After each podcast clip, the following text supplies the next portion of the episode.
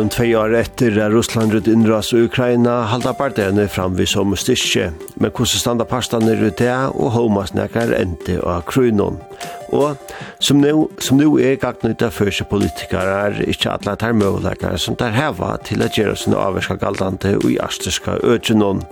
Testafester Hatlbira Vest, P.O.D. Kjøttmannfrøye og underkjære visendeligere grein. Hette brettene til, velkommen. Velkommen.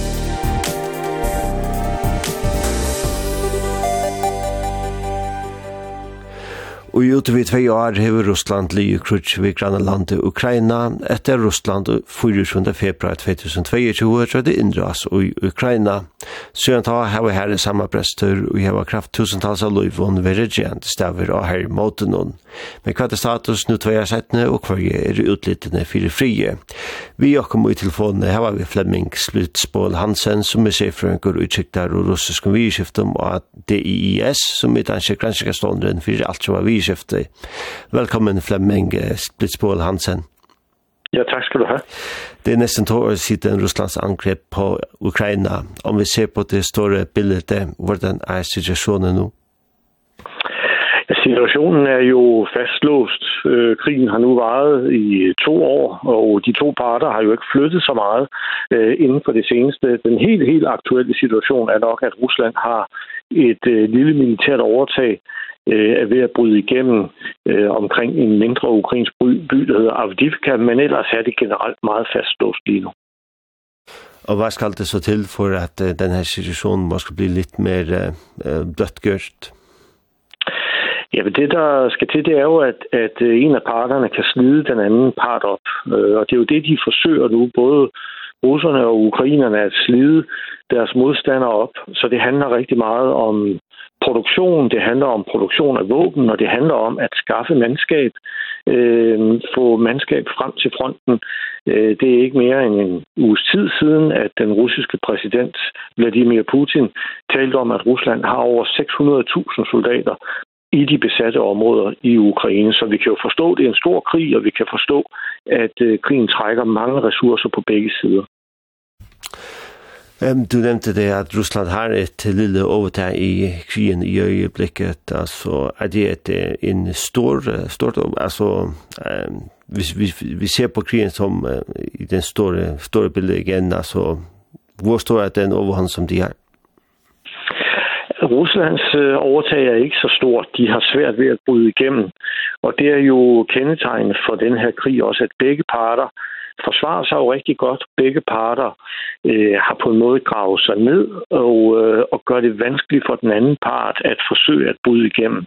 Så når Rusland nu har et, et lille overtag, og måske ved at få et mindre gennembrud, så kommer det jo også på baggrund af nogle enorme øh, investeringer. Så Rusland har investeret rigtig meget i det her. De har taget meget store tab for at opnå det her. Øh, og det er simpelthen, fordi det er så svært at komme igennem de øh, forsvarsværker, som, som er på begge sider. Så det er ikke et, et afgørende overtag på nogen måde. Ja, då vi snackar om et mindre genombrott så snackar vi mer om ett lokalt genombrott heller enn ett nationellt genombrott. Ja, det er rigtigt. Vi kan se det som måske sådan et taktisk gennembrud øh, i en mindre del af kamppladsen. Det er jo en, en meget lang kampplads, øh, og som jeg sagde, Rusland alene har over 600.000 soldater i de besatte områder, og de er jo spredt ud over et meget, meget stort område, en meget stor frontlinje, og det her det er så et mindre gennembrud, et mindre taktisk gennembrud, som ikke, kan vi sige, i hvert fald umiddelbart forrykker noget ved det samlede billede. Det har vært fokus på i de siste uger at Ukraina både mangler mannskap og ammunition. Hvilken betydning kan det få for krigen? Ja, det er rigtigt. Der har været fokus på, at Ukraine mangler både mandskab og ammunition, og det kan selvfølgelig få store konsekvenser. Øh, igen for eksempel aktuelt med det russiske gennembrud ved den her by Avdivka, der bliver der talt om, at det er simpelthen fordi ukrainerne mangler artillerigranater. De kan ikke slå russerne tilbage øh, i det omfang, som de faktisk ønskede, og som de ellers ville kunne gøre, hvis de havde den tilstrækkelige ammunition. Øh, og så er der i Ukraine jo også snak om mobilisering af soldater. En del af de ukrainske soldater har jo været ude ved fronten nu i to år, og det er klart, de er trætte, øh, de er slidte, deres familie er trætte, deres familie er også slidte af det her. Og i Ukraine tales der om en, en omfattende mobilisering. Man taler om at mobilisere måske op mod en halv million ekstra soldater, simpelthen for at, at kunne modstå det her russiske pres. Så, så Ukraine er presset også på, på mandskab, og de er presset på ammunition, og det er jo i høj grad noget, som vi i Vesten øh, beslutter, om de skal have eller ej, og der er jo en stor debat aktuelt, blandt andet i USA, om, om amerikanerne skal opretholde deres støtte. Hvis vi lige uh, holder fast i det med mannskap, du sier en halv million ukrainer man skal, man skal mobilisere, er det en appetitt i befolkningen for at gå i krig? Ja, der er jo en appetit i befolkningen på at, at kæmpe videre øh, og at, at forsøge at generobre de besatte områder. Og det er jo ikke kun de områder, som er blevet besat i 2022, men det er også de områder, der blev besat i 2014, og det er jo øh, den ukrainske halvø Krim. Men samtidig er der jo en uvilje mod at at selv at gå i krig, ikke? At, øh, at investere det, der skal til. Jeg var selv i Ukraine øh, lige før nytår, og, øh, og man mærker ikke krigen så meget. Og det skyldes selvfølgelig, at, at Ukraine er et stort land. Det skyldes også, at, at det er blevet dagligdag, men det skyldes også, at en del af ukrainerne gerne vil fortsætte deres liv, som de plejer, så de går jo på restauranter og caféer og hvad de ellers gør, samtidig med, at den her krig fortsætter. Så der er en vilje til at, at, at kæmpe videre og forsøge at generober de besatte territorier, men, men der er en, en usikkerhed om, hvem der skal gøre det, øh, og hvor lang tid skal de så være væk, hvis de bliver sendt afsted til fronten. Om vi så ser på de russiske styrker, har de, etter to år i krig, har de ikke det samme problemet som den ukrainske her? Jo, de har også udfordringer. Øh, Rusland fungerer jo anderledes. Det er et stærkt autoritært styre, det russiske system har besluttet at investere meget mere i forsvaret. Det er sådan, at den finanslov, som nu er trådt i kraft i Rusland på samme måde som vi jo også har vores finanslov, der er det op mod 40 procent, som går til forsvaret. Og der kan jeg sige, på hele socialområdet, der bruger man 20 procent. Så man har valgt også at at investere på en anden måde, at fokusere. Øh, men Rusland er også presset på, på mandskab, og det har vi jo set blandt andet ved, at man også har tvangsmobiliseret 300.000 mand, og, og ved, at man har åbnet portene ind til fængslerne, så man løslader folk fra fængslerne og sender dem øh, til, øh, til krigen over i de besatte områder. Det har vært uh, noen diskusjoner de siste uge om uh, den her manglede finansielle støtte fra USA og EU. Um, den siste uge er man da blevet enig om noen flere penger til Ukraina i EU, men er det en følelse i Ukraina av at støtten fra de allierte i Vesten ikke er lige så stor som det har vært? Ja, der er måske en form for træthed, i hvert fald i enkelte lande. Uh, og nu... uh som, som lytterne jo også ved, har krigen varet i to år, og det er usikkert, hvor længe den bevarer. Jeg tænker, at vi skal forberede os på, at den kan sagtens vare to år mere. Og der er nogle enkelte lande, Ungarn jo især, men også nogle andre, øh, stemmer, som spørger, hvor længe skal vi blive ved? Øh, hvor længe kan vi blive ved med at opretholde støtten til Ukraine? Hvor længe skal vi have vores sanktioner mod Rusland? Øh, og skal vi ikke måske prøve at finde en form for fredsløsning i stedet for en, en form for kompromis? Øh, det, som er, er vores holdning, øh, det er jo sådan set, at, at vi bliver ved med at støtte Ukraine, og der er en række lande i EU og NATO, som opretholder det. Og så er der måske lidt træthed i, i andre lande, som øh, er mere forbeholdende. Øh, og vi kan jo i hvert fald se på tallene, når det gælder militær støtte, at, øh, at støtten til Ukraine er faldende. Noget af det, der kommer fra, meget af det, der kommer fra EU's side, det handler jo øh, om genopbygningen af Ukraine. Det handler jo om genopbygningen af boliger og veje og infrastruktur og alt muligt andet. Det gælder også øh, udbetaling af lønninger, for eksempel, ikke, som ukrainerne har svært ved. Så EU gør rigtig meget for at forsøge at opretholde den ukrainske stat, og selvfølgelig også på sigt hjælpe Ukraine på vej ind i EU. Det er jo nu blevet et mål for EU også, at, at få Ukraine som medlem. Um, med den analyse i hånden, hvis vi så ser på utmattelse som en strategi for, uh, fra, Putins, uh, fra Putin, uh, kan man si at den strategi måske til et vist uh, fungerer? Ja, det kan vi nok sige, at den til, til, til dels fungerer. Altså, Rusland har mange flere ressourcer. De har en meget større økonomi end Ukraine. De har en større befolkning end Ukraine. Og fordi det er en autoritær stat, så har det russiske styre også lettere ved at dirigere ressourcer ind i krigen. Øh, og som jeg sagde nu, for eksempel 40 procent går til forsvaret, altså af finansloven. 40 går til forsvaret, 20 går til socialområdet. Og der er jo nok nogen, også oppe i færøerne for eksempel, som ville synes, hvis man gjorde det på den måde, at det var en underlig måde at prioritere på. Men i Rusland kan folk ikke protestere. Så, øh, så det er det, politikerne har valgt, og det er det, politikerne kan slippe sted med, fordi det er en autoritær stat, som er meget undertrykkende. Så øh, Rusland har på den måde nogle fordele i forhold til Ukraine, når det gælder udmattelsens øh, aspektet. De har flere ressourcer, og de kan lettere dirigere ressourcer ind i krigen, fordi ja, det er et stærkt autoritært system. Hvad er så udsigterne fremad rettet? Jamen, udsigterne er jo, er jo nok desværre negativt pessimistiske. Ikke? Altså, vi skal forberede på, forberedes på, at krigen kan vare lang tid, den kan vare flere år endnu, og uanset næsten, hvordan det ender, hvis Rusland har held til at, at fastholde de erobrede områder, selv hvis de laver en form for aftale med Ukraine, så vil der jo internt i Ukraine fortsat være modstand mod Rusland, og vi skal forvente, at der vil være en væbnet modstand mod Rusland, også mod russiske tropper. Så desværre en krig, som nok vil fylde mange år endnu. Så ser du noen realistisk slutning for denne krig? Lige nu er der ikke noget realistisk, sådan en realistisk afslutning på den. Der bliver talt lidt om forhandlinger, og forhandlinger lige nu er urealistiske, fordi de to parter er alt for langt fra hinanden. Rusland insisterer på før de overhovedet vil, før de vil forhandle, så vil de have Ukraine til at anerkende, at de besatte områder er en del af Rusland, og ukrainerne på deres side øh, kræver, at russiske tropper skal forlade alle de besatte områder, før de vil forhandle der. Så, så parterne står meget langt fra hinanden, og lige nu, må jeg desværre sige, så er det svært at se en forhandlingsløsning, og det er svært også at se en slutdato for den her krig du sier de skal forlate alle de besatte områder, er det så inkluderer det så også Krimhavøen? Ja, fra Ukrains perspektiv så inkluderer det også Krimhalvøen, det vil sige russiske tropper skal ud af alle de områder, som de har besat i Ukraine siden øh, 2014. Så det vil også sige Krim, og det er jo et ekstra følsomt emne internt i Rusland.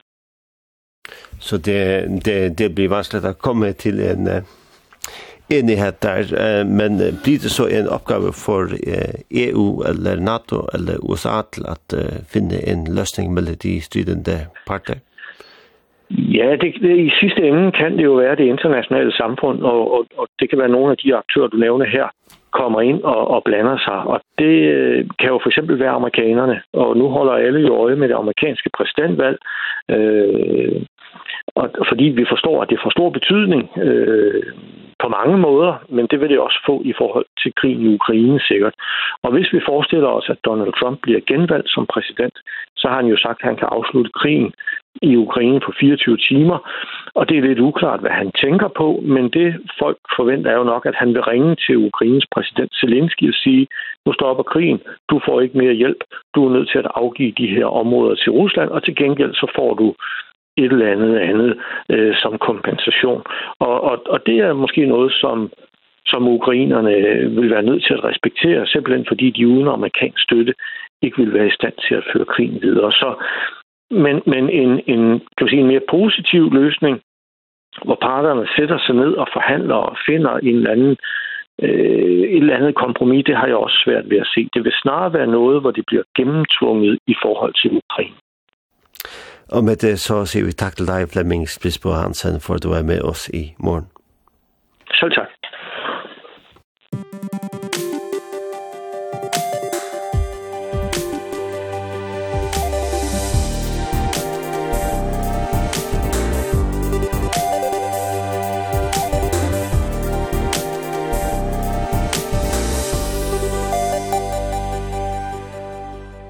Det er ikke støy ut i at det er i den här er hentar øyne öjlandiga brøydingar i Arstes og, og det er blitt til et, et ökje för stor politikk.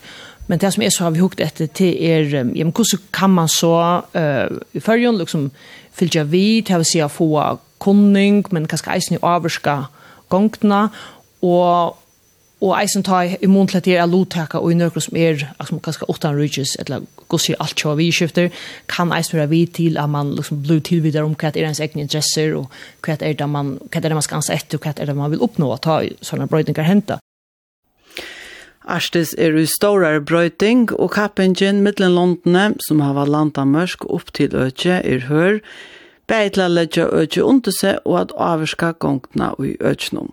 Eit nu gjør det Danmark i 2014 krever på eit økje og på iver 800 000 kvadratkilometrar grunta av en undersjåar fjallarik og grønlandsko undergruntne. Russland gjør det er etter krav på et lukastørst økje, som for en parst iverlappa i som Danmark har gjort krav på. Nek virer er på spil, olja, gas, mineraler og nutja skiklingarleier, og enn er ikkje endalige avgreit hver hever krev på kvæt og i Arstes. Ta tatas da vi kom på ei samstarv om økje er Arsteska raje, som er et alt sjåa stjøtnar samstarv, Til her er det skulle London hittast, samskifta, utvia seg vitan og røyna å finne en fedlags lagt for i økjennom som er under stårarbrøyting og usrum branar. Danmark hever en sess vi borre og til fyrst og fremst tjøkken Grønland, men eisne følger ligger vel fire beint vi marsje til artiska sirklen omframt at det var en strategiska plassering og høpe. Her omframt er Londne og i arktiska ranon USA, Kanada, Finland, Sverige, Norge og Osland og Russland. Russland hevet over i utgjørst så gjenn landet leip av Ukraina. Til særlig av stjøtnar stie at møvleikene at avvarska artis vera brukter her heima, men her er og er møvleikar som kunne trøytast er nyestøvan til Hallberg og Vest og i grein i kone vi gjørst. Det som man ofta hever ehm hever haft folk så till jag men vi tar en stöd nu som lotiker i i i till lums artiska ranon men eisen embatsmanna samstarve och och men men så har vi liksom säger men det eisen är möjligt så har vi teacher eisen så som är och och och som parlamentstie och eisen så net faktiskt du faktiskt hemma eisen i eisen eh byrjar hava eisen allt sjá samstarve parlamentstie och till eisen möjligt i tog sammanhang hvis man huxar emot Lars så Lars det ska röja Av stjøtnersti er utrøylu av lottøk og jærstiska rannom. Til politiska stie, her til dømes løkmer lottøkker, fyrskittingarlige stie, her embedsfolk og mye fyrskittingene lottøkker, her og fram til arbeidsbølkar som gjør greiningar og fragreiningar, her stånar under mye fyrskittingene lottøkker, til kan til dømes ved omkvarståan. Om fram til sti stjøtnar sti, er og æra inngångter til artiska røye som vid, Sampart Halper og Vest, ikkje trøyta og lykastora mån som Grønland og Danmark, og det er av parlamentarisk konstige. Og hesten stig har vi løktingje som kan sette fyrspurningar om Arstis og løgtingsombo og utnorranon som har observatørstatus i Arstiska ranon. Her er træt og kanskje mest aktivt har vi tførsko folketingslimner som gjør noen folketingje heva og sesser i sendenen under Arstiska ranon saman vi heimba og grønlandsko folketingslimner. Du løgtinge til her man hever hei som er beinleis politisk valda og det er ganske eisen også viktigt att huxa är att liksom att ta isen skilja om kvart är det som gång för sig här. Eh och så har vi gjort att ja men visst man så plums är lagt det slimmer. Kan för möjliga hemma och här hemma så andra såna vanliga möjliga man kan spyra sin stöd och i ton och i fyrspåren ja men kvart är det så fyra gånger här och och och, och så där. Men så är det isen där är möjliga som är så i ju att ja men utnorra som vi ofta hör om är faktiskt isen möjliga det rådet som är det parlamentariska samstarv hever det som man kallar et observatörsät i Arktiska rådet. Um, så det har vi liksom visst då. Och samstånds har vi eisen hukket at, ja, men, og Och lagt kan man eisen hava meira sånne, sånne oformelle altjåa aktiviteter her som man kan lottaka i imenskunna. Det kan så bære jo raststøvne, men eisen vi er vitja underlånd igjen, liksom, hvis vi ser en erstes, erstes endamal.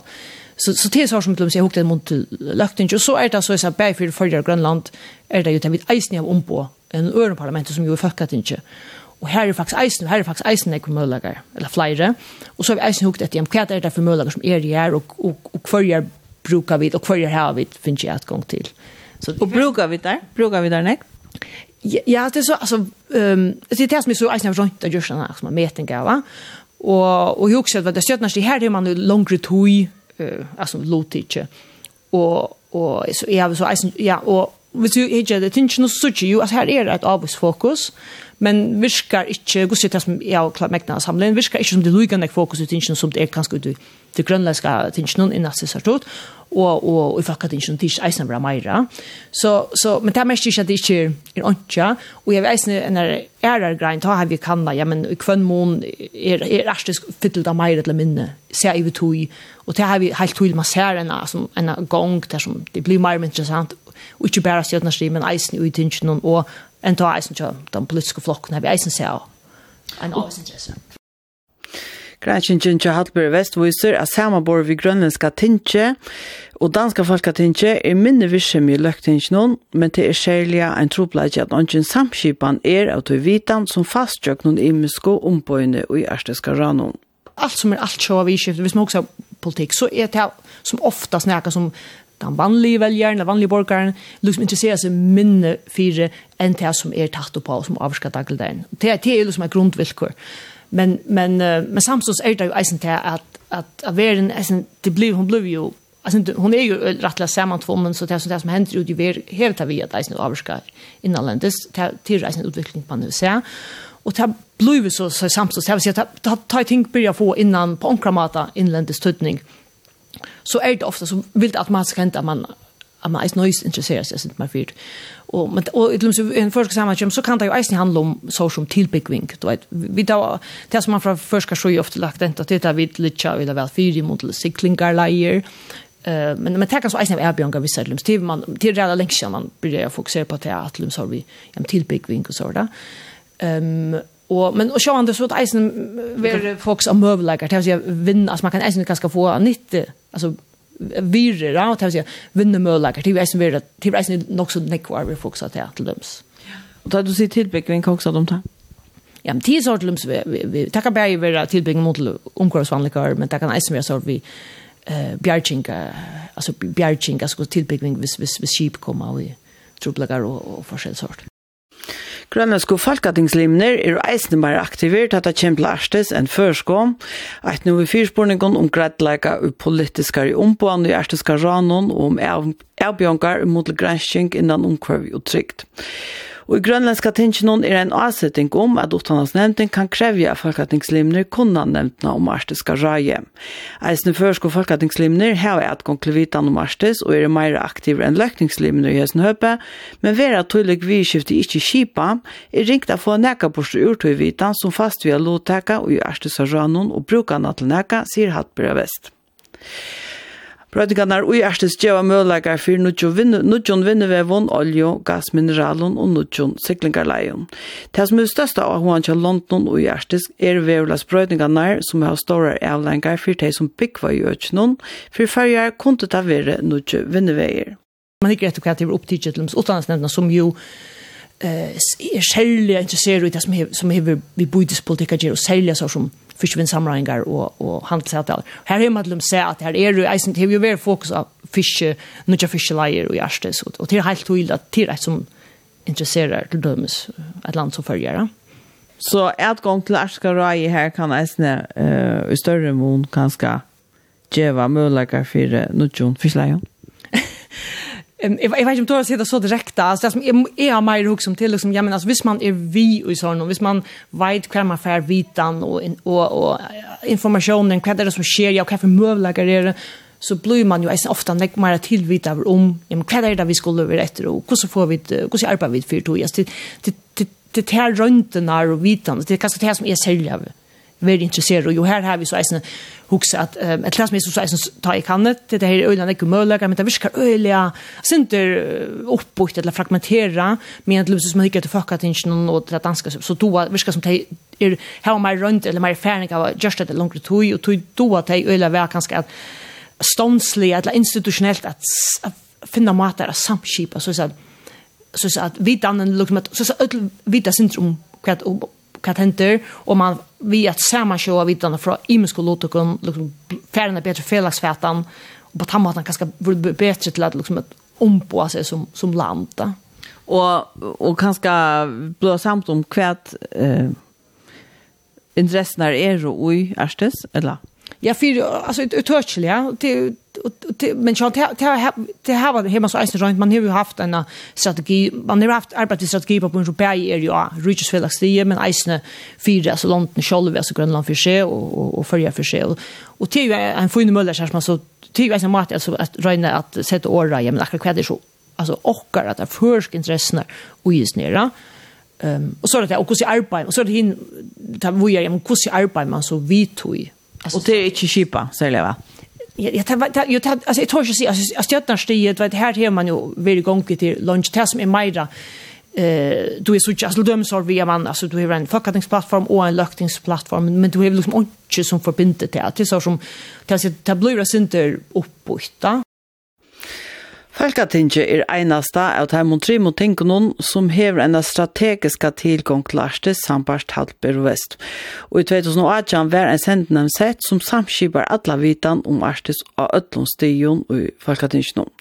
Først går Folketingslimner for somleis gåa sesser og i Arktis høpe og i Folketinget nå til öllum førun geva fakka tinge øyla, tei hava skipa seg vel, og tei geva førjun og Grønland goa sesser, og til så eisen eis som er så, jeg synes en annan vinkel kanskje inn her som er hugsi at tei røyna kanskje, det er ofta stor ånøgt vi, man ikke hos en um omboan at det politiska stinon, stjøtna stinon, og hjertesgrannen, og det er helt uilig, det er helt uilig, det er helt uilig, det er helt uilig, det er helt man så från danska så i røyne sig, ja men så røyne vi det gjeva goa sesser av parlamentsstyret, så sen det du att kompensera för det, så det är det som är strategiskt ganska smart, så er det de ett ett eller för några nökt vid det, det er sånn är helt annat. Men man røyner liksom att att ge här som man helt man, man kan. va? Så man borde koordinera det här som man får brosjur i løktingsregi och fakkatingsregi bedre til dømes? Altså, jeg halde det här hever vi smarsta, og Og, og det som jeg synes er avvärst, hvis man hickar till grønlandsk, her har det faktisk bara skriva det inn i sånne, altså i tingskipene, at man kan in och sen kan inkalla fuckatingslimra. Men som jeg har skilt til at jeg, altså vi og gjerne samrøve til det men men man har möjlighet her er man så skapt möjliga men man brukar den ikke. Så det er helt inte nog at, at, at, at, at røyne, at man måste alltså det bär att du ska ha alltså möjliga du ska göra några regler så så till men du ska så eisen ha politiska likar som halta ja men heter ju mening heter brukar vid. Eh jag ska inte säga att att, att allt ju ju alltså jag ska inte säga att vad det inte är eh nu har vi så här lukt att allens parlamentarisk möjlighet nu att det här som är sen uppåt och det viskar sen där vet och man man lukt inte inte häv näka man inte görs några nytt nytt uppfinnelse som så inte är det när man ger sig artist till personer här som man så ser man kör så som man får bättre som är ombå åt andra men isen vet nämnda Richard man får lukt med sånan ja, uh, för samma kör det. Det då bara så tjänar man ger här. Det är mest inte att uh, akkurat det har gått vara man satt med kostjötnast i förrun liksom samskipa så sina lotuk i working groups. Det vill säga det men men det kan gott vara att att man nu gör så men det är inte ringt att få EU akkurat hur som man gör det. Det har vi sen ringt vi. Og i hele tiden er det større semja her hjemme om at vi skulle heve en førskan utan politikk, sier Hattberg Vest, brøtte omstående brøtte eisne valds jaunveien og i rujusfellesskapen. Ja, så vi så eisen, det som ganske eisen synes over, så vet ikke om, om ja, en vinkel som vi så eisen har gjort snakka vi til, til at alt tog at den store brøytingen henter, og at det kommer ikke mer fokus og alt sjåa, og du har storvelder som eisen eh, interesserar seg i fyrir sin ørsjonen, det har så eisen gjørst det at bei för Grönland det blir nek mer skönligare och det vet inte nog nu är det långt bära man för Danmark hvis man ska ta som ett öke så vill andra land involvera reisen i Åkkom och Grönland och och det ser så att att ett press och jag menar så rusch för skapen och konstruktionen som bidrar en, en pastor va det är så en det är så så det är nog snack för ja nog snack för sån av värder halt i problematiker och här har vi ju ändå några intresse ju vad är det vid vilja och till helt tydligt att man för en vill ha det hade man samtrum, man nej man inte samtrum, men det hade man samtrum om man vill ha ehm större avskan och alltså de utan vi det som händer runt om och ta till mycket fäta när man också samtrum där. Och Danmark fär sunne utgång till Lars Jöken Grönland kan man säga eller vad? Ja, alltså det det så det det det det som är så isen halt att och det är ju det som ju är alltså Grönland ligger ju är här ju där arktiska nu som som så ger att att att Danmark skulle få färra sig att vi bor det politiska statsbor ja och och det så är det som ganska i halde at jeg skal, skal det er eisen gavmild og at de at jeg var god assessor på Grønland og Førjan og at de om parlamentarisk sess du tabber til da. Hvordan er avskat det russfellesskapet? Ja, det er så en god spørsmål sånn at det er greit. Det andra er det jo det andra er det damer de røyna eisen eisen vi som nutja og stjørnastier som røyna her som man jo alltså altså nutja nøvntena her som man så skal møtas og ta som åttars på det er jo hugsi er nok greit til ikke mamma fra danskar så røyner at liksom at jeg er tilfredsstilla for en Grønland och och liksom de skulle få mer kunning och vi vill gärna lusta mer etikon och de skulle få avskana. Eh och det har halt är ju det här är nog snäkt om att at man røyner for danske sjuje at gjøre brøydingar og være mer inkluderande. Men, men så er det her, men om det stekker her, eller om vi skulle sutja, det er så annars spørning som jeg har, jeg er sin drøptisjon av, og det har vi tog inn bare vise,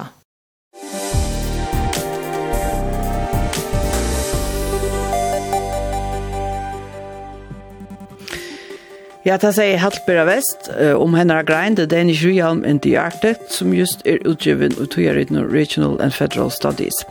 Hetta av TV vi tøtt av brettan nå i det, om henne løt over kjentingen tøk som pottvars på heima så jokkara, brettan var eisen i Entersenter etter tøyntene av Nostra. Hever du i merskar til sendingene, hos gå til evne etla prei, per til å sende en teltepost av brettan kurla kvf.fo. Sendingene gjør de Hattler av Rena og Marendalskort, Hattler av Rena ved redaktører, tekniker ved Kari Anna Berg, og vi dver at vi er noen utjøpretta fra tjøttan klokkan 12. Ja, morgen.